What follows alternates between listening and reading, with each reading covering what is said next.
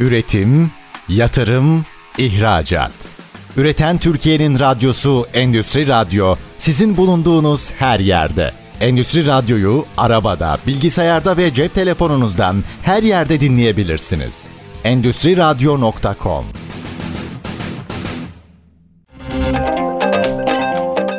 Salih Çaktı'nın hazırlayıp sunduğu Startup Dünyası programı başlıyor.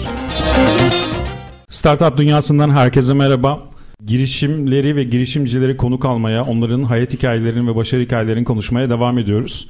Bugün Yalova Üniversitesi öğretim üyesi Doktor Abdullah Önden bizlerle. Abdullah Bey merhaba, hoş geldiniz. Hoş bulduk. Yani herkes çok uzak yollardan geliyor. Buraya yürüyerek gelen tek konumsunuz bu arada. evet, ben de Üsküdar'dayım. Evet. Sizi biraz tanıyabilir miyiz? Abdullah Önden. Yani bugün gelmeden bir düşündüm. Tam 23 yıldır internet teknolojileriyle uğraşıyorum. E, çok uzun bir süre. 15 yaşımda başladım aslına bakarsanız. Hayal etmeye, internette bir şeyler inşa etmeye. Düşündüğüm zaman da böyle dershanede ders notlarımın arasında site çizdiğimi hatırlıyorum. Böyle arayüz yani taslak evet, şeklinde evet. mi? Yani böyle tam bir ne inşa edebilirim ve bunu teknolojik olarak nasıl yaparım? Bu hayalle hep böyle kendimi avutuyordum o dönemler. Ve o dönemlerde aslına bakarsanız insanlar ya bu çocuk deli mi yani nelerle uğraşıyor, boş boş işler uğraşıyorlar denilen bir zamandı. Hatta 99-2000 yılı yani 24 Aslında böyle olmuş. en şey e, sınırlarınızın olmadığı böyle en Evet, yaratıcı evet, zamanlarınız aslında. Evet yani oradan başladım. Lise 1'de sınıfımız.com diye bir şey açmıştım. Tabii o zaman hiç para yok, domain almak vesaire şimdiki gibi kolay değil. Enteresan şeyler vardı. İşte bir banner koyuluyordu. Ücretsiz işte .com veren bir yer vardı. Web 1.0 dönemleri mi? Bu Web 1.0 mı acaba? Evet. yani ama evet teoride evet Web 1.0'la tanımlayabiliriz o dönemi. Daha sonrasında işte sosyal komüniteler kurmaya başladım. Forumların yaygınlaşmaya başladığı bir dönemdi. Daha sonrasında da sözlükler popülerleşmişti. İşte sözlük sistemleri geliştirdik. Bir yandan da bilgisayar mühendisliği okuyordum. Hani kendimi tanıtmaya devam edeyim. Bilgisayar mühendisiyim. Sonra da birazcık daha profesyonel bakmaya başladık ve 2006 senelerinde bir şirkette başladım çalışmaya. Ee, Yazılım mühendisi olarak mı başladınız? Evet evet direkt yani 3. sınıfta başladım ben. Aslında siz yani lise döneminden üniversite sonuna kadar yani Web 1.0 tek yönlü iletişimden Web 2.0 çift yönlü iletişime kadar Evet, proje evet. geliştirmişsiniz aslında Evet. o geçiş aşamasında Tam o geçiş varsınız. dönemleriydi. Yani şöyle hayal edelim Twitter, Facebook yoktu işte o dönemlerde. İşte 2008 ile birlikte 2007'nin sonu Facebook birazcık e, Belki MySpace'ler falan Evet böyle çok onlar eski- onlar evet, vardı evet. ama işte onlar da ne diyelim internet komünitesi olarak kabul ediliyordu. Daha sonrasında profesyonel olarak başlayınca şunu ben gördüm ya ben hobi olarak zaten gece gündüz bu işi yapıyordum. E, Bunun üstüne bana para verdiler yani bu müthiş bir şeydi benim için ve ben iyi çalıştığımı düşünüyorum o dönemde ve şanslı olarak nitelendiriyorum kendimi. Çok hızlı tecrübe edindim. E, çalıştığım şirkette çok ciddi Türkiye'deki büyük şirketlere işler yaptık. Burada kategori olarak elektronik ticaret, nakit akış sistemleri, saha otomasyonları, e, işte paket PC'ler vardı o zaman onlarla app'ler geliştirilerek işte temizliklerin takibi, çağrı merkezi sistemleri çok genç yaşımda bunları önce junior ama çok hızlı bir şekilde işte şimdiki tabii teori, teorik bunlar. O zamanlar için yoktu bu kavramlar. Junior dönemi hızlıca atlatıp sorumluluk almaya başladım. İlk iki yılımda pek çok proje girdikten sonra son iki yılımda da Türkiye'de e-ticaretin patladığı bir dönemdi. 2010-2011 yılları. O dönemde Türkiye'nin perakende devlerinden 20 tanesinin framework dediğimiz bütün çekirdeğinden bütün sistemlerini yazan ekibin e, Özel projeler miydi yoksa paket mi sistemler mi? ya paketleştirilmeye çalışılıyordu. O zaman SaaS kavramı vardı. Türkiye'nin hatta ilk SaaS muhasebe otomasyonlarından birinde yazıyorduk. Fakat oturmuş değildi. Türkiye'de hala daha ben bir para veriyorsam yazılıma bunu gelip Windows olarak kurarlar. Hani benim program olarak kurulur gibi bir CD ile gelir. Evet o mantık vardı ve hatta browser'dan bir şey yapılmaz vardı. Fakat çalıştığım şirkette biraz şanslıydım bu açıdan. Browser teknolojisine yatırım yapılıyordu ve benim ben açık konuşayım yani hiç sevmiyordum o işte fiziksel programlama yapmayı. Ben internet programlama yapmak istiyordum. Hep öyle yaptım. Daha sonrasında burada 4 yılım geçirdikten sonra artık e, birazcık akademiye yönelmiştim. Son bir yılımda yüksek lisansımı tamamlamıştım. Orada da şunu görmüştüm. Yani sektörde ne yapılacağı bilinmiyordu. Herkes bilgisayar mühendisi. Bu işin ama planlaması var. Kadronun yönetilmesi var, işlerin teslimi var, var da var. Ama işte bu işte PMP sertifikaları vesaire böyle ekstra şeyler de yapılmaya çalışılıyordu. Yükseği hangi alanda yapmıştınız? MBA yaptım, işletme evet. yönetimi. İşte onu açıklamaya çalışıyordum. Orada bunu yapma sebebim de buradaki aslında yönetimi daha iyi yapabileceğimi, hı hı. E, daha iyi yapmamı sağlayacağını düşünmekti.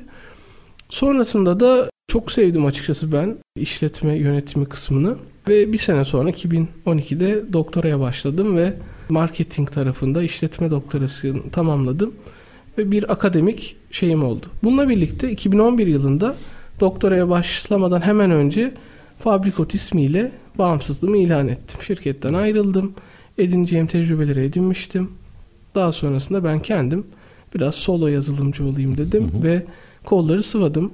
Çok hızlı bir şekilde ben bildiğim işi yapmaya devam etmeye karar verdim ve e-ticaret frameworkleri geliştirerek hem kendi girişimimizi şu an aktif değil eve kitap isminde hı hı. bir kitap fırsat sitesini Türkiye'de ilk defa açtım. Hem de onun altyapısını sağlamaya başladım. Şey sormak istiyorum Abdullah, Bey, Abdullah Bey, Abdullah Hocam diyorum akademik şeyinizden dolayı da aynı zamanda.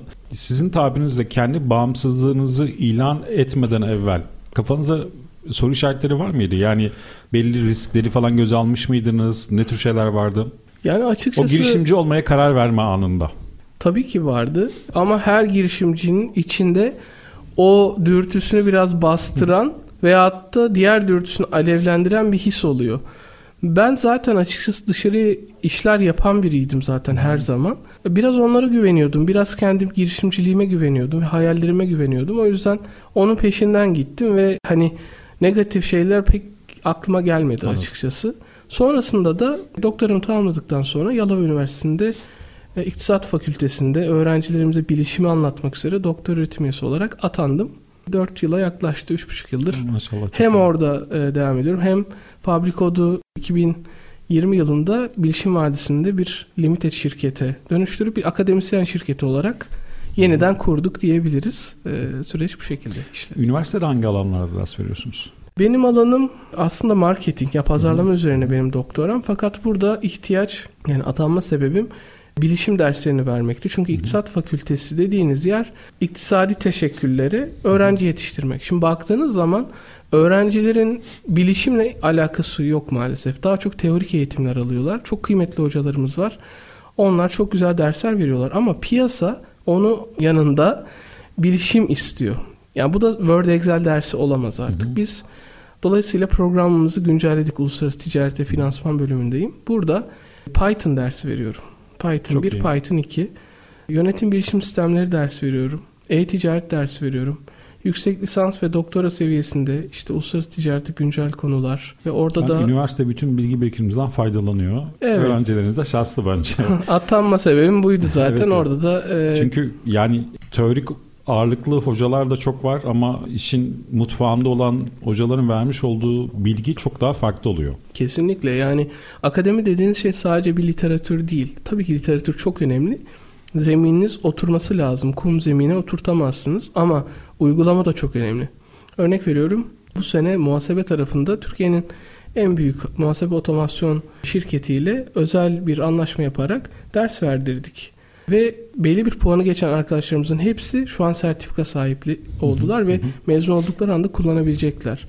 Onun dışında gene ERP tarafında dünyanın en büyük sistemlerini anlatıyoruz. Her öğrencim, benim her öğrencim bir e-ticaret projesi yapmak zorunda. Bir marka belirliyorlar dönemin ortasında. Dönem sonuna kadar en az bir satış yapmaları gerekiyor. Bunun Instagram tarafında reklamını yapıyorlar. Yani hem marketing hem satış hem de piyasaya çıkartıyoruz onları. Gidin ürün bulun. Bu ürünlerin üzerine bir e, fiyat koyun satın. Biraz böyle sahaya çıkartmaya çalışıyoruz. Evet ya hani üniversite öğrencilerinin yani onların da kendine ait haklı şeyleri var. İşverenlerin de kendine ait haklı sebepleri var elbette. Ya biz nerede tecrübe kazanacağız? Daha işe girmedik. Şey çok fazla. Yani ben o bakış açısını da açıkçası biraz yanlış buluyorum. Yani üniversite aslında teorik bilginin yanında tecrübe kazanılacak da bir ortam. Evet. Ee, hani ciddi sorumluluklar yok. Yani bir öğrenci bir yerde staj yapabilir. Kendisi internet üzerinden artık her şeyi araştırıp evet, bakabilir, evet, evet. deneyim yap elde edebilir. Evet bu noktada gayet güzel çalışmalar. Akademisyenliği ve girişimciliği aynı anda yapmanın bir dezavantajı var mı? Ve avantajları elbette çoktur. Evet. Varsa da avantajları neler? Ya bu çok sorulan bir soru. Çok zor. Yani aynı anda bir şirketi yönetmek hem de bir yazılım şirketini hem de hocalığı yapmak. Burada denge bir şekilde güdülmesi gerekiyor. Ama avantajı nedir? Ya tabii ki akademisyenlik başka bir konu. Yani onun ona çalışmak, akademik araştırma yapmak, literatürü sürekli güncel şekilde tutmak, bilhassa bizim gibi sürekli güncellenen alanlarda çalışan akademisyenler için bir yandan şirketi hani büyütmeye çalışmak zor ama oradaki tecrübeyi yazılımla birleştirmenin verdiği keyif de yani hiçbir işte ben olduğunu düşünmüyorum açıkçası. Zor mu? Zor. Yapılamaz mı? Yapıldığını göstermeye çalışıyoruz ki zaten YÖK'te bununla ilgili teşvikleri var. Hocaların girişimci hoca olmasını istiyorlar. Teknoparklarımız aktif. Daha fazla hocayı çekmeye çalışıyorlar. E, Biz de e, bu alanda açıkçası örnek olmaya çalışıyoruz şu an diğer hocalarımıza. Şimdi Fabrikot ilk kurulduğu zaman verilen hizmetlerle şu anda vermiş olduğunuz hizmetler arasında ne tür farklar var? Yani aslına bakarsanız teknolojiler değişiyor ama yapılar ortak gibi bir şey. Sonuç olarak teknoloji işletmelere veya insanlara bir çözüm sağlamak zorunda. Bu çözüm sağlarken de karlı bir şekilde sağlamak zorunda. Sadece çözüm sağlaması yetmez. Çok zararlıysa o iş gitmez. Bakıldığı zaman bu noktada 15 yıl önce yaptığımız işleri çok daha hızlı, çok daha UI UX dediğimiz kullanıcının tecrübesini ölçerek daha etkili şekilde yapmaya çalışıyoruz. Buna çok daha fazla yatırım yapılıyor bu dönemde. Dolayısıyla o zamanda yani ilk açtığımız zamanda biz insanlara bir şeyler anlatmaya çalışıyorduk, ikna etmeye çalışıyorduk. Şimdi kaliteli işçiliği isteyen ve buna değer veren insanlar bize daha iyi anlamamız için daha çok detay vermeye, daha çok zaman ayırmaya başladılar. Fark bu. Yani daha kıymet verilen bir dönemdeyiz diyebilirim. Anladım. Özellikle Covid sonrası. Evet, Covid öncesi insanların ağzının yandığı bir dönemdi. Artık herhalde biraz öyle oldu. Yani Covid öncesi, Covid sonrası tabii çok hem bilimsel anlamda çok araştırma yapılan, birazcık da akademisyenlerin sıkıldığı konular. Ama şu bir gerçek, teknolojiye yapılan yatırım ciddi anlamda geliştiği için know-how çok arttı. Ama burada da biraz böyle nasıl diyeyim yanlış know-how'lar da var. İşte yazılımcıların çok hızlı şekilde yazılımcı olabilmeye olan inançları. Ben bu arada hani bu işin okulunu okumuş ve hani okulunda eğitim veren biriyim. Fakat tamamen işte buraya gelinsin, buradan fabrikasyon, çok kaliteli mühendisler çıkarılsın kafasına hiçbir zaman olmadım. Özellikle ben okurken bir yandan piyasada kendi yaptığım ve öğrendiğim işleri bildiğim için ikisinin bir arada gitmesi gerektiğini hep önermişimdir. Ne tamamen işte self-taught denilen işte ben kendi kendime öğrenirim tarafını tamamen överim. Ne de tamamen iyi bir üniversite size yeter derim. Bu ikisi bir arada olmalı. Buradaki değişim de bu, bu şekilde. İlk başta tabii yani bu 90'lar 2000'ler falan masaüstü yazılımın çok yoğun olarak oluyordu. Hatta ben şey hatırlıyorum yani siz üniversite döneminde yani lise döneminde yaptığınız şeyleri anlatırken aklıma şey geldi. Hani Adobe'un daha Freehand şeyi Freehand'i, Fireworks'u ve Evet. Dreamweaver'ı satın almadığı, onların Evet. Macromedia şirketi tarafından yönetildiği dönemlerde ben de şey yapardım. Çok güzel sitelerin hemen print screen'e ekran görüntüsünü alırdım. Hı hı. Fireworks'te çizerdim. E, onları Dreamweaver'a atıp direkt HTML üzerinden kodlamalarını falan yapıp yani FTP'ye falan atıp Evet. hosting alıp domain alıp hani kurup satmıştım olmuştu. Tabii ben öğrenciyken yaptığım ya da çalışırken yaptığım bu tür çalışmalar daha sonra hani girişimci olduktan sonra karşıma bir proje geldiği zaman karşımdaki yazılımcıyı daha iyi anlamamı sağlıyor. Ya da ya da brief verirken daha detaylı brief vermeyi, ortaya çıkan sonucun daha iyi olmasını sağlıyor. Evet. Yazılımı bilmeyen müşteriyle çalışmak da zordur herhalde. ya ya ne yapıyorsunuz ki? İşte bir buton koyuyorsunuz falan ama o butona tıklayınca kaç tane algoritma çalışıyor, kaç fonksiyon çalışıyor Yani çok onlar bilinmiyor. Çok yani klişedir bu zaten o soru. Şuraya bir buton koyalım lütfen. Şuraya bir kategori açalım ve burada bu çıksın. Zaten yaparsınız bir günde şeklinde. Bu önceden çok fazlaydı. Yani son zamanlarda kesinlikle şu deniyor. Yani bunu koyar mısınız? Zor değilse veya işte nasıl yapılacak işte bir konuşalım mı deniyor. Dolayısıyla ben diğerini normal karşılıyorum. Sonuçta tecrübe yoktu o zaman. İnsanlar da bilmiyorlardı ve gözlerine kolay geliyordu. Ben birazcık hep inşaat örneğinden veriyordum. Yani örnek veriyorum bir proje geliyor.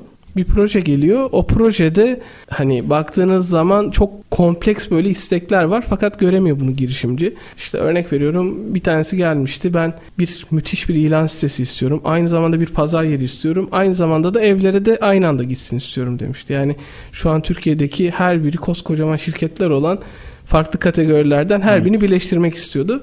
Ve bunu işi bir ayda istiyorum demişlerdi. Ya, tabii burada hani profesyonelliği koruyup Bu Güzel tepkiyi nasıl verdiğinizi ikinci bölümde üzerinden geçelim isterseniz Tamam, harika. Abdullah Bey. Yalova Üniversitesi öğretim üyesi Doktor Abdullah Önden bizlerle Startup Dünyası ikinci bölümüyle devam edecek. Üretim, yatırım, ihracat. Üreten Türkiye'nin radyosu Endüstri Radyo sizin bulunduğunuz her yerde. Endüstri Radyo'yu arabada, bilgisayarda ve cep telefonunuzdan her yerde dinleyebilirsiniz. Endüstri Radyo.com Startup Dünyası ikinci bölümüyle devam ediyor. Fabrikot kurucusu ve doktor öğretim üyesi Abdullah Önder'le birlikteyiz.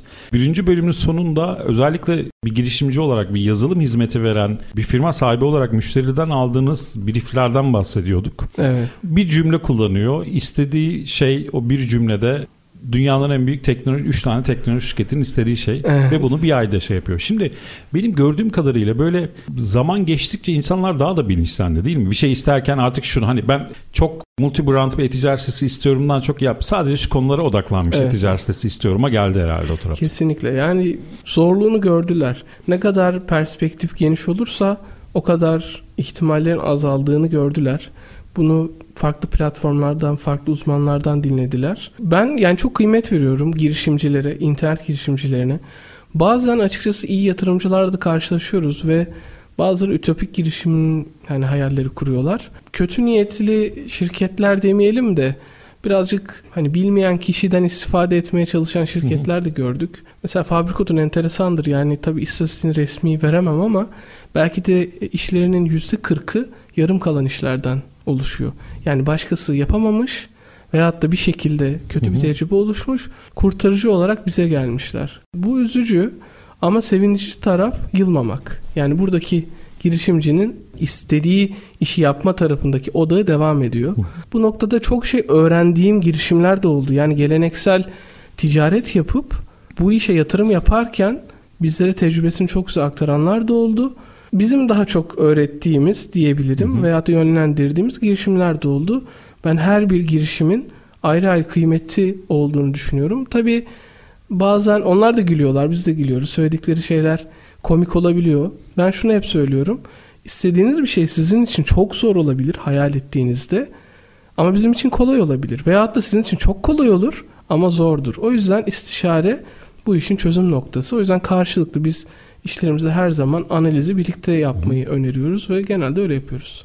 Tabii Türkiye'deki müşteri kültürü mü diyelim yani karşılaştığınız ilişkilerle sizin aynı zamanda şu anda yurt dışına ağırlık veriyorsunuz bildiğim kadarıyla. Hı hı. Yurt dışında konuşacağım sizlerle birazdan. Şimdi ekipte full remote çalışan bir ekibiniz var. Evet.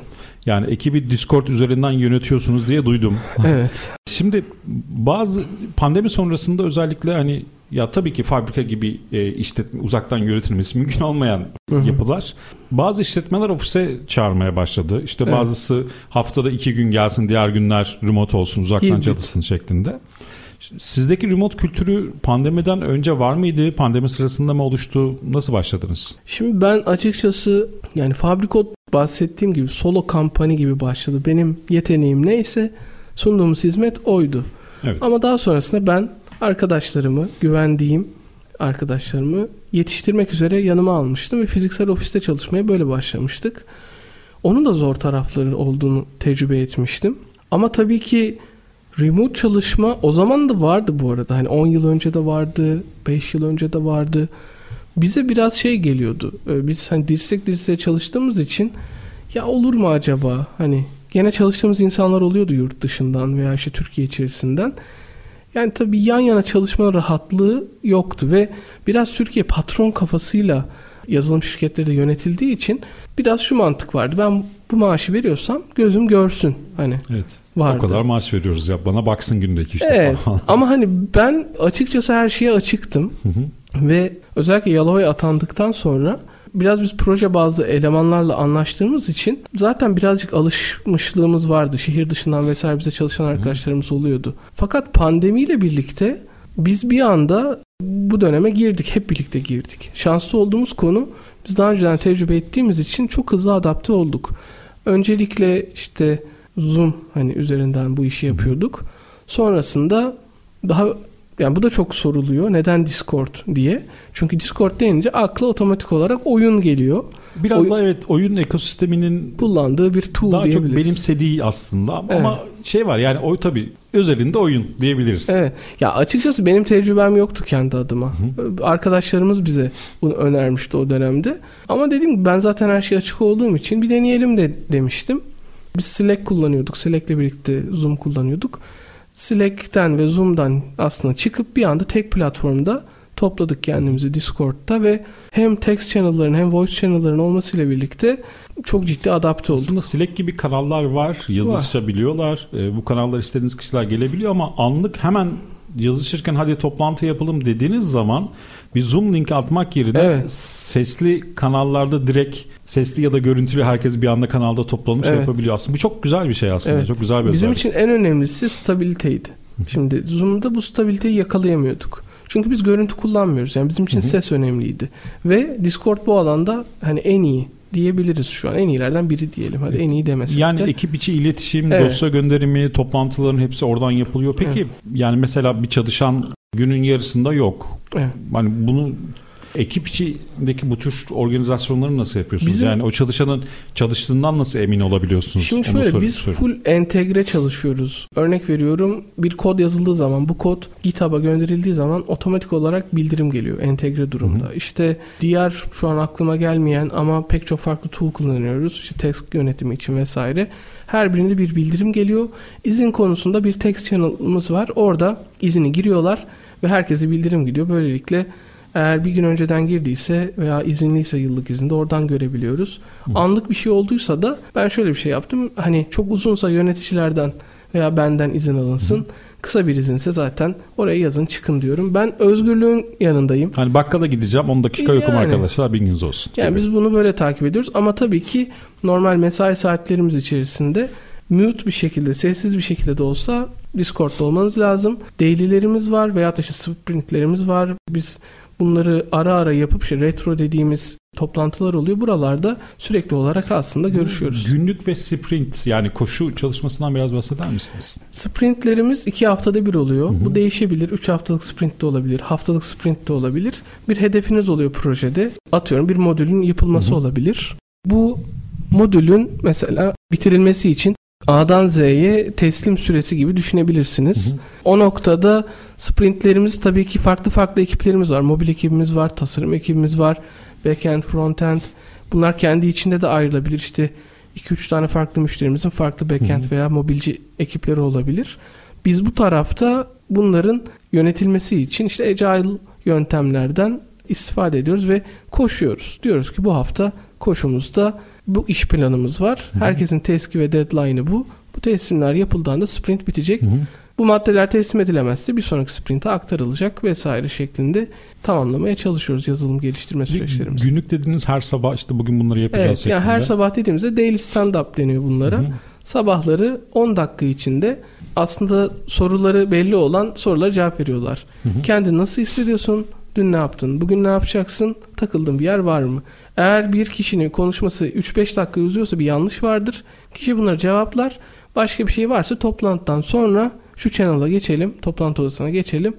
Bunu konuşalım arkadaşlar diyebilir. E, bu güzel oluyor. İnsanlar Motive kendileri- başlıyor yani aslında çok evet, faydalı. evet ve güzel bir planlama olmuş oluyor. Bu şekilde son e, açıkçası Covid'den sonra iki yılımız böyle geçti. Hatta 2-3 yıla yaklaşıyoruz. Çok güzel adapte olduğumuzu düşünüyorum. Bu sayede de işte Yalova'ya atandığım zaman tek başımaydım gene fabrikodda. Biz genellikle anlaşmalı işte çalışıyorduk. Proje bazlı anlaşıyorduk. Bir kişiydim diyelim. Şu an e, yaklaşık 15 kişiye ulaştık. Peki. Ofise gelme oluyor herhalde. Yani bizim tam anlamıyla hibrit bir çalışmamız yok. Ama gerek Bilişim Vadisi'nde gerek Üsküdar'da bir misafirhanemiz var. Orada buluşmalar yapıyoruz ve ekibi- Özlem giderme gibi yani oluyor evet işte kadarıyla. birazcık daha böyle sohbet İşte son zamanlarda işte YouTube için içerikler üretmeye başladık. Hı hı. Biraz videolarımız, işte yemeklerimiz, terasımız var. Güzel Üsküdar'da İstanbul manzaralı. Orada oturup aslına bakarsanız hasret gidermek diyebiliriz. Bu şekilde sürdürmeye çalışıyoruz. Ama müşteri tarafında herkes memnun. Yani çok daha dedike, çok daha adanmış bir çalışma söz konusu. Onlar da mesela ofiste buluşabilecekleri halde Discord üzerinden veya Zoom üzerinden bizimle görüşmeyi tercih etmeye başladılar. Evet. Şimdi Türkiye'den yurt dışına giden çok fazla yazılımcı oldu. Gelenler, gidenler gelenlerden daha çok. Şimdi ekip kurma noktasında bir sıkıntı yaşadınız mı? Yaşıyor musunuz? Yani iyi yazılımcıya ulaşmak veyahut da sadece yazılımcı demeyelim. Analist diyebiliriz, tasarımcı diyebiliriz. İyi insan da öyle nitelendirelim. İyi insana ulaşmak her zaman sorundu. Sadece bu dönemde değil. Veya sadece yazılımcılar veya teknoloji sektörü için de değil. Bu zorluk hala devam ediyor. Şimdi ben açıkçası öyle bir hikayem de var. Üniversiteyi bitirdiğimde Microsoft'ta çalışan Amerika'da San Francisco'da bir arkadaşım beni davet etmişti. Yani kadromuzda bir açık var. Zaten çalışıyorduk. Kendisiyle bir iş yapıyorduk. Ben de çok düşündüm ve kararımı Türkiye'den yana kıldım. Çünkü burada hayallerim vardı. E, asıl karar bu yani. Şu an tabii ki doların etkisiyle birlikte ben anlıyorum. Yazılımcı arkadaşlarımız daha çok yurt dışını tercih ediyorlar. O zamanlar biz neredeyse başa baş rakamlar kazanıyorduk. Yani yazılımcılar Amerika ile yakın paralar kazanırdı. Türkiye her zaman böyle kalmayacak. Herkes bunu unutuyor. Herkes işte ekonomik krizin etkisiyle kararlar veriyor ama bu karar ciddi bir karar. Hayatı etkileyen bir karar.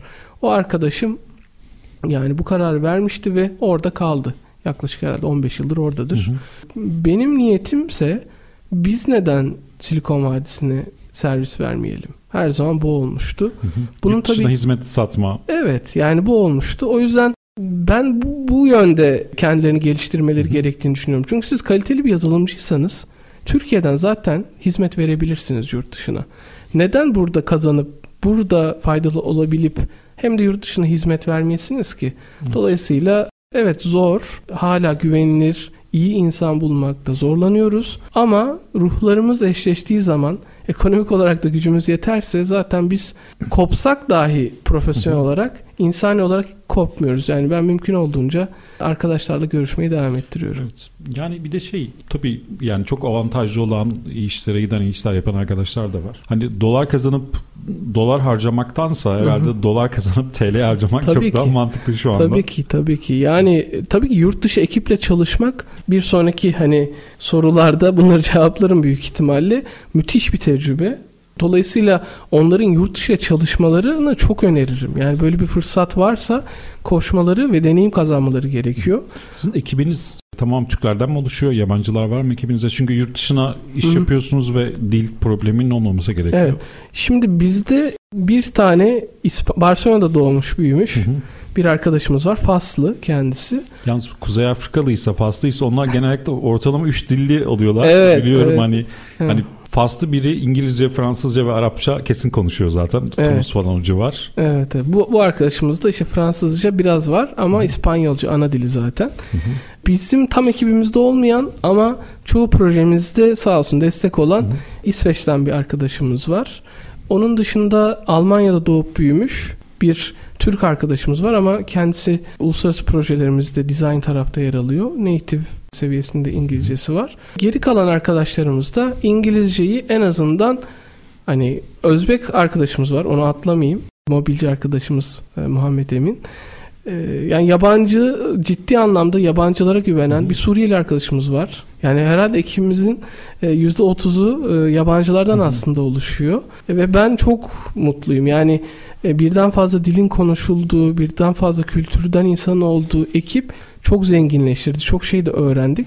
Dolayısıyla Herkes kendi ülkelerindeki iş yapma kültürlerini de sisteme entegre ettiği zaman aslında güzel şeyler çıkıyor. Evet kesinlikle yani özellikle İsveç'ten katkıda bulunan arkadaşımız bize Avrupa Avrupa'yı iş yapma tarafını öğretti. Yani Türk usulü hızlı ama sonu bitirememe vardır ya maalesef Evet, evet. yazılımda da bunlar var.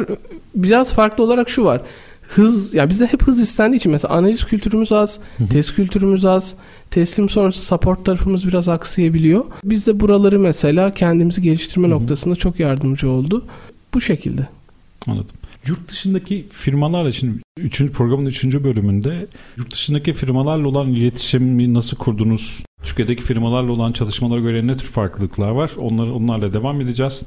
Startup dünyasından ikinci bölüm burada sona erdi. Üçüncü bölümde Fabrikot kurucusu Doktor Abdullah Önder'le girişimciliği konuşmaya devam edeceğiz. Üretim, yatırım, ihracat. Üreten Türkiye'nin radyosu Endüstri Radyo sizin bulunduğunuz her yerde. Endüstri Radyo'yu arabada, bilgisayarda ve cep telefonunuzdan her yerde dinleyebilirsiniz. Endüstri Radyo.com Startup Dünyası 3. bölümüyle devam ediyor. Ben programcınız Salih Çaktı. Fabrikot kurucusu Doktor Abdullah Önder'le birlikteyiz. Abdullah Bey, Türkiye'deki müşteri kitlesiyle yazılım alanında onlara iş yaparken yurt dışına da iş yapmaya başladınız. Evet. Beklentiler nasıl? Müşteri yani müşteriyle olan ilişkilerde ne tür farklılıklar var? Bir kere ne istediklerini biliyorlar. Hı hı. Nasıl yapılması gerektiğini biliyorlar. Mesela toplantıları çok kısa tutmak istiyorlar. İşe odaklanıyorlar. Bir hani mesela karşılıklı normalde Türk müşterisi sohbet, çay içme şu bu mesela sürer gider. Hı hı. Son 10 dakika iş konuşabilirsiniz bazen. Her zaman olmuyor. Veyahut da, Muhabbet etmeyi seviyoruz he, yani. Veyahut da çok uzun sürer evet. toplantılar sırf bu sebeple. Ama bu arkadaşlar en değerli şeyin paradan dahi daha önemli olan şeyin vakit olduğunu farkındalar ve o yüzden çok seri bir şekilde toplantılar yapılır. Mesela bugün çıkmadan bir baktım. E, gene Discord'da bizim toplantı channel'ımız var. Orada yapacağımız toplantıları biz yazıyoruz. Şu gün şu toplantı olacak, şu katılacak Hı-hı. şeklinde. Şey gördüm. İşte Silikon Vadisi'nden bir şirketle 15 dakikalık bir görüşme var. İşte Amerika ile işte hemen akabinde 30 dakikalık bir de işte Almanya ile 30 dakikalık arda arda tak tak tak koyulmuş. Normalde Türkiye'de olsa biz 2 saat falan ayırıyoruz. Hani ne olur ne ya olmaz. Tabii yani şöyle hani 3'te toplantınız var 4'te bitecek. Dörtte başka bir toplantı ben alamam mesela. Yani onu dört buçuk yaparım mutlaka. Bir yarım saat toplantının esneme payı oluyor. Evet. Burada onun dışında ne isteniyor? Bize mesela bir proje yapılacaksa güzel doküman genellikle geliyor ve yapacağımız iş net bir şekilde tanımlanıyor. Şimdi maalesef Türkiye'de karşılaştığım sorunlardan bir tanesi isteniyor fakat şu deniyor teslim ettiğiniz zaman ama ben onu da yaparsın diye düşünmüştüm denebiliyor. Oysa ki diğer taraf diyor ki deadline'ınız bu 3 sprint sonunda şunu teslim edeceksiniz. İşte ne isteniyorsa genellikle o yapılıyor. Fazla bir şey mi yaptınız? Çok şaşırıyorlar. Neden yaptın ki oluyor? Hani gerek var mıydı böyle bir şeye? İnanılmaz minnet duygusu duyuluyor ve bizim özellikle yurt dışında şu açığı görmemizi sağladı bu. Hız, buradaki hız çok önemli. Esneklik ve minimum dokümantasyon. Çünkü yurt dışındaki yazılımcılar veya şirketler de buna alışmış. Daha yavaş ama stabil teslimler, daha fazla dokümantasyon, çok fazla yazı, yazışma ve esnek olmama. Ben mobil odaklıyım. Benden web bekleyemezsin. Atıyorum böyle bir şey. Biz onlara bir anda çok hızlı ihtiyaçları neyse hemen koşabildiğimiz ve minimum dokümanla yaptığımız işler ortaya çıkınca bir anda yurt dışına son bir yılda bilhassa iş yapmaya başladık. Hangi ülkelere son bir yıldır hizmet ee, Biz özellikle olarak Amerika'ya hizmet veriyoruz. Bunun dışında farklı farklı gene Amerika'daki irili ufaklı şirketlere hizmet veriyoruz. Burada çok aşırı böyle fazla bir şirket alma gibi bir niyetimiz yok. Hı hı. Kalitemiz azalmasın. Biz bu insanları, bu şirketleri mutlu edelim. Onlar da farklı farklı coğrafyalardaki ekiplerini bize getirsinler gibi bir hı hı. niyetimiz var. Ama tabii Türkiye'yi bıraktık mı? Hayır. Türkiye'de e, çok kıymetli şirketlere işler yapıyoruz. Hı hı. Çok güzel işletmelere SaaS veya işte ticaret tarafında, mobil tarafta çözümler sağlamaya devam ediyoruz. Evet. Ekip arasında İstanbul'da yaşam var mı yabancı olup? Ekip arasında var. Alıştılar mı İstanbul kültürüne bu arada onu sormak istiyorum. Yani tabii ki İstanbul zor bir şehir. Burada beklentiler farklı olan arkadaşlarımız vardı. Biraz taksicilerle araları bozuldu. Ama onun dışında e, çok iyiydi. Ama ya Türk kültüründe maalesef biraz böyle yabancı işte doları vardır şeyde olduğu için biraz ona da hitap ediyor. Mesela birisiyle bir yemeğe gittik yani biz ekip olarak. E, ekip yabancı olduğu için İngilizce konuşuluyor. Yani bahşiş için mesela son hani daha geçen haftalarda oldu. Çok uğraştılar. Oysa ki hani o arkadaşlar değil ben ödeme yapacaktım. hani yanlış kişiye oynadılar diyebilirim. e, ama şey yani çok seviyorlar Türkiye'yi. Yani gerçekten çok sıcak bir milletiz. Hep iyi feedback alıyoruz. Belki bu tecrübe bambaşka noktalara gidebilir. Evet. Yurt dışının yazılımdaki hizmet beklentisini çok detaylı olarak anlattınız. Evet. Peki Yurt dışına ilk yapmış olduğunuz satış diyeyim, ilk sözleşmede e, hangi yollardan geçtiniz? Yani direkt mail atma mı, telefon mu, ilk iletişim, ilk kontağı nasıl kurmuştunuz? Bu aslında güzel bir soru. Çünkü yurt dışına iş yapmak çok zor. Yani ya bir yazılımcı olarak bir yere çalışabilirsiniz ya da iş almanız için sizi birisinin parmakla göstermesi gerekir. Referans olmadan veyahut da yapılmış bir çalışma net bir şekilde ortada olmadan şu şunu diyorlar. Ya ben birazcık daha veririm. Amerikalı'ya yaptırım diyorlar. Açık açık yüzünüze diyorlar. Bu arada hani tam Türkçe karşılığı şu an aklıma gelmiyor ama straightforward diyorlar ya çok Ha, doğrudan yani insanlar. Direkt söylüyorlar size profesyonelliği bozmadan. Diyorlar ki yani ben %30, %40, %50 neyse iki katı veririm. Bir Amerikalıya, bir Avrupalıya yaptırırım bu işi diyorlar. Bizim şansımız ilk aldığımız işteki kişi benim zamanında işte e, birlikte tanıştığım bir arkadaşımla bir kontaktı ve ona şansa ya benim böyle bir yazılıma ihtiyacım var bir özel yazılıma birini tanıyor musun demiş. O da beni önerdi ve hı hı. İşte bu şey var ya en etkili pazarlama yöntemi ağızdan ağza pazarlama ve işte network pazarlaması. Onun sayesinde biz kendisiyle tanıştık. Bizim rakibimiz Silikon Vadisi'nden bir şirketti. Bir İspanyol şirketti. Bir de bizdik. E, bizi sevdiler. Mantığımızı anlayınca sevdiler ve zaten o kapıyla birlikte biz bambaşka kapılar açıldı evet. bize. Peki girişimci olarak bir 10 seneyi geçti herhalde değil mi girişimci evet. hayatımız? Birçok yerde başarısızlık hikayeleri olmuştur. Evet. Ben genellikle onu şey olarak görüyorum. Yani bir sonraki başarıya tecrübe aktarımı yapmak gibi görüyorum. Tabii. Çok sorun ve engellerle karşılaşmışsınızdır mutlaka. Hı hı. Bunlar genellikle hangi alanlarda oldu ve bunları nasıl aştınız? Şimdi en önemlisi tecrübe. Ben çok genç yaşta fabrikodu kurdum. Belki de en büyük şansım oydu. Çünkü yıllarımı tecrübeyle öğrenerek geçirdim. Bizde de tabii fail eden işlerimiz oldu ve ben aslında ticari olmasa da 2000 yılından itibaren kendimi girişimci görüyorum. Çünkü hep bir şeyler yaptım. İşte komüniteler açtım, haber portalları açtım, sosyal medya tarafında pek çok iş yaptım. En büyük sıkıntı işletmeciliği bilmemek. Bilmemek. Yani ve fikre inanılmaz aşık olmak. Gözü başka bir şey görmüyor insanın. Kesinlikle tutar deniyor. Ama işinde bir gerçeği var. Ortaya yatırılan bir para var. Buna giderleriniz var. Gelirin dönüşmeme ihtimali var. En büyük sıkıntı bu. Burada benim gördüğüm başarılı olan insanların ortak özelliği gerçekçi olmaları ve finansı, nakit akışını bilmeleri. E birazcık da networkleri varsa zaten başarı geliyor.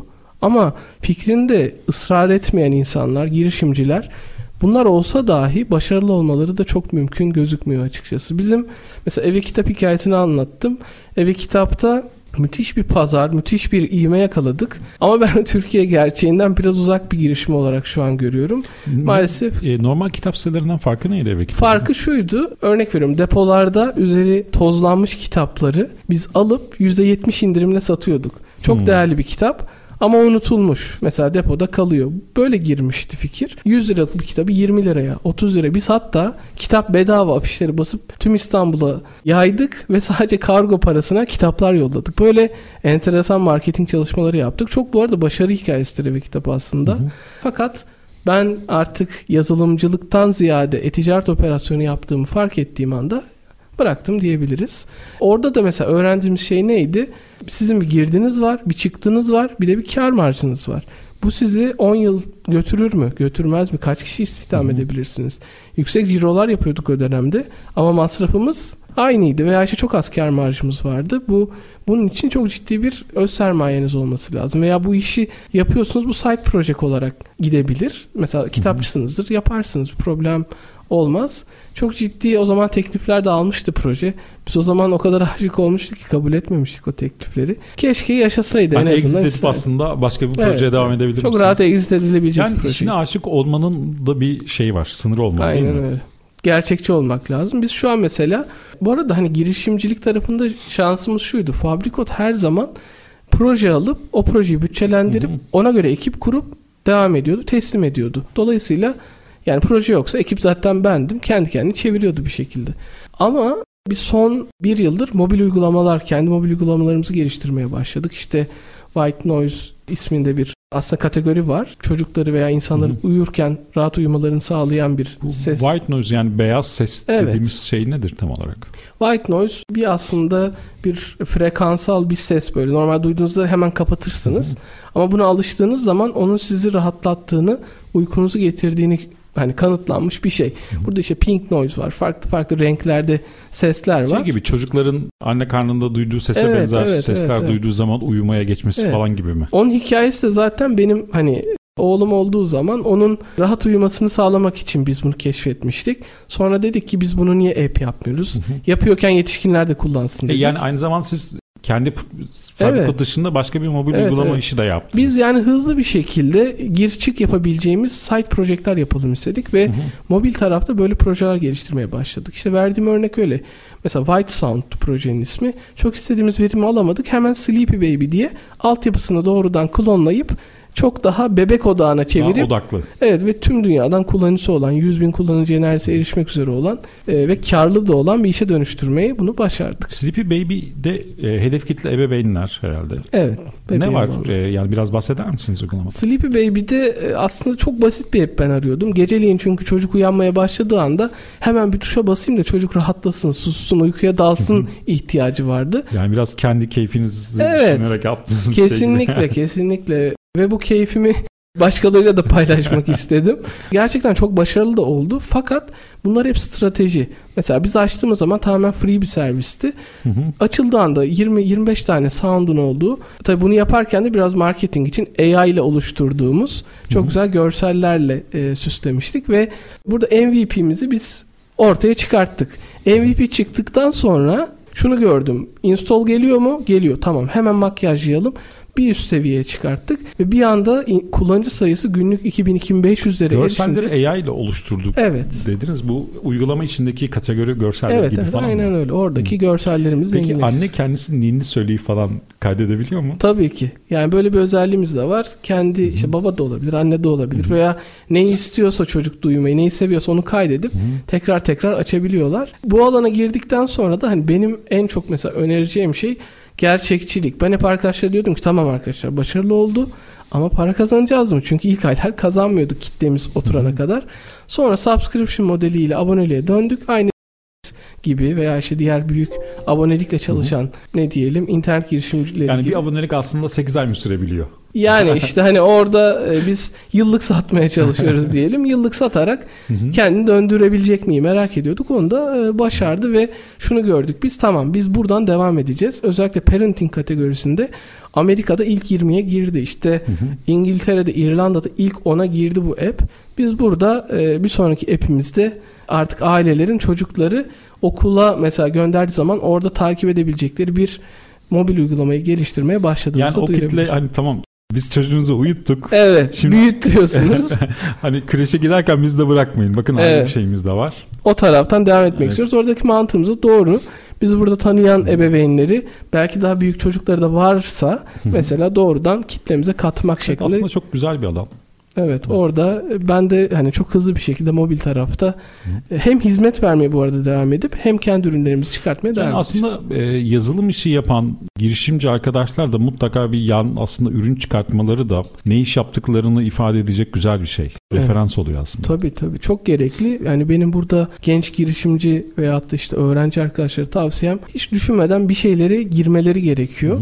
Ondan sonra zaten zaman ve teknoloji onları yönlendirecektir nereye gitmeleri gerektiği yönünde. Peki uygulamada farklı güncellemeler gelecek mi? Yani zaten epey bir yaptık. Ağlama sesini anlayabiliyor musunuz? Bu mümkün mü? İşte biz şu an çalıştığımız konu o. Bebek ağladığı anda mikrofonu açık bırakıp uygulamayı açık bırakıp gittiğinizde bebek ağladığı anda otomatik olarak çalmasını mesela hedefliyoruz. Bunun üzerine çalışıyoruz. Bu tür teknolojiler de var bildiğim kadarıyla. Var işte stabilitesi önemli. İşte mesela kriz olmadığı anda çalması da bir problem. Dolayısıyla oradaki şey hassasiyet çok önemli. Onun üzerine çalışmaya devam ediyoruz. Bir de son olarak e, vaktimizde sona doğru geliyoruz. AI konusunun yazılıma ne tür şeyler olacak sizce? Ya tabii bu çok geniş bir konu. Tamamen bunun üzerine de konuşulabilir ama Siz Biz- nasıl görüyorsunuz? Yani yazılımcılar korkmalı mı AI'da? hayır tabii ki yazılımcılar şu an zaten minnet duyuyorlar. Mesela GitHub'ın cockpit'i AI destekli çalışıyor. Siz kodu yazdığınızda onun daha kaliteli olmasıyla ilgili size yardımcı oluyor. Veyahut da işte siz kod yazarken sizin kodunuzu tamamlayabiliyor. Bunlar zaten vardı bu arada. Hani hı hı. yapay zeka bir anda ortaya çıkmadı. Sadece gelişimi devam ediyor. Burada yapay zekayı iyi kullanabilen ve onunla entegre olabilen yazılımcılar veya şirketler çok değerli olacak. Biz doğrudan kullanmaya başladık her anlamda. Metin üretmesinde, kod optimizasyonunda, işte görsellerin oluşturulmasında kullanmaya başladık. Ben bunu doğru kullananların çok daha karlı operasyonlar yapacağına inanıyorum. Sadece yazılım veya bilişim sektörü değil, bence tüm sektörlerde illa bir yapay zeka entegrasyonu olacak. Bu da işte önümüzdeki 10 yılda çok hızlı şekilde büyüyecek diye tahmin ediyorum. Evet, şu anda zaten bir gelişme aşamasında. Evet, evet. evet. Emekleme aşamasında. Peki son olarak bizleri dinleyen girişimci adaylarına aynı zamanda yöneticilere ne tür yani bir yazılım şirketiyle çalışacaklarsa nasıl başlamalılar, neye dikkat etmeliler? Son e, yorumlarınızı aldıktan sonra programı bitirebiliriz. Şimdi şöyle teknoloji daha doğrusu ARGE'ye yatırım işletmelerin her zaman bilançolarında yüzde olarak yukarıda olması gereken kısımdır. Hı hı. Baktığınız zaman ama ARGE veyahut da kendine yeniden yatırım hep az kalmıştır. Hep stoğa, hep mala, hep neyse ona yatırım yapılmıştır. Çünkü gözle görülür. Ama ARGE'ye yapılan şey geleceğe yatırımdır. Bir inovasyon veyahut da bir teknoloji geliştirilmesi her zaman çok ciddi şekilde planlanıp yapılması gerekir. Burada illa bir girişim olmak zorunda değil. En önemlisi bu. Yani bu endüstri işinde olan insanların şu rahata alışmaması lazım. Demesi şunu demesi lazım. Ben teknolojide ne yapıyorum şu an? Bu yeterli mi? Rakiplerimin önüne beni geçirecek nasıl bir şey var? Onun dışında tabii ki tabii ki yazılım tarafında söylenebilecek çok şey var ama en optimize, en iyi ekip her zaman sizi farklı seviyeye götürecektir. Evet. O yüzden sadece teknolojiye yatırım demeyelim. Doğru insanları doğru alanda teknolojiyle buluşturduğunuz zaman belki anında olmasa da gelecekte kar edeceksinizdir. E, ben herkese, dinleyen herkese kar açıklığı maksimize olmuş günler dilerim. Çok güzel bir temenniydi. Teşekkür ederiz. Startup dünyası burada sona erdi. Farbikot kurucusu Doktor Abdullah Önden'e katılımları için çok teşekkür ederiz. Herkese iyi günler.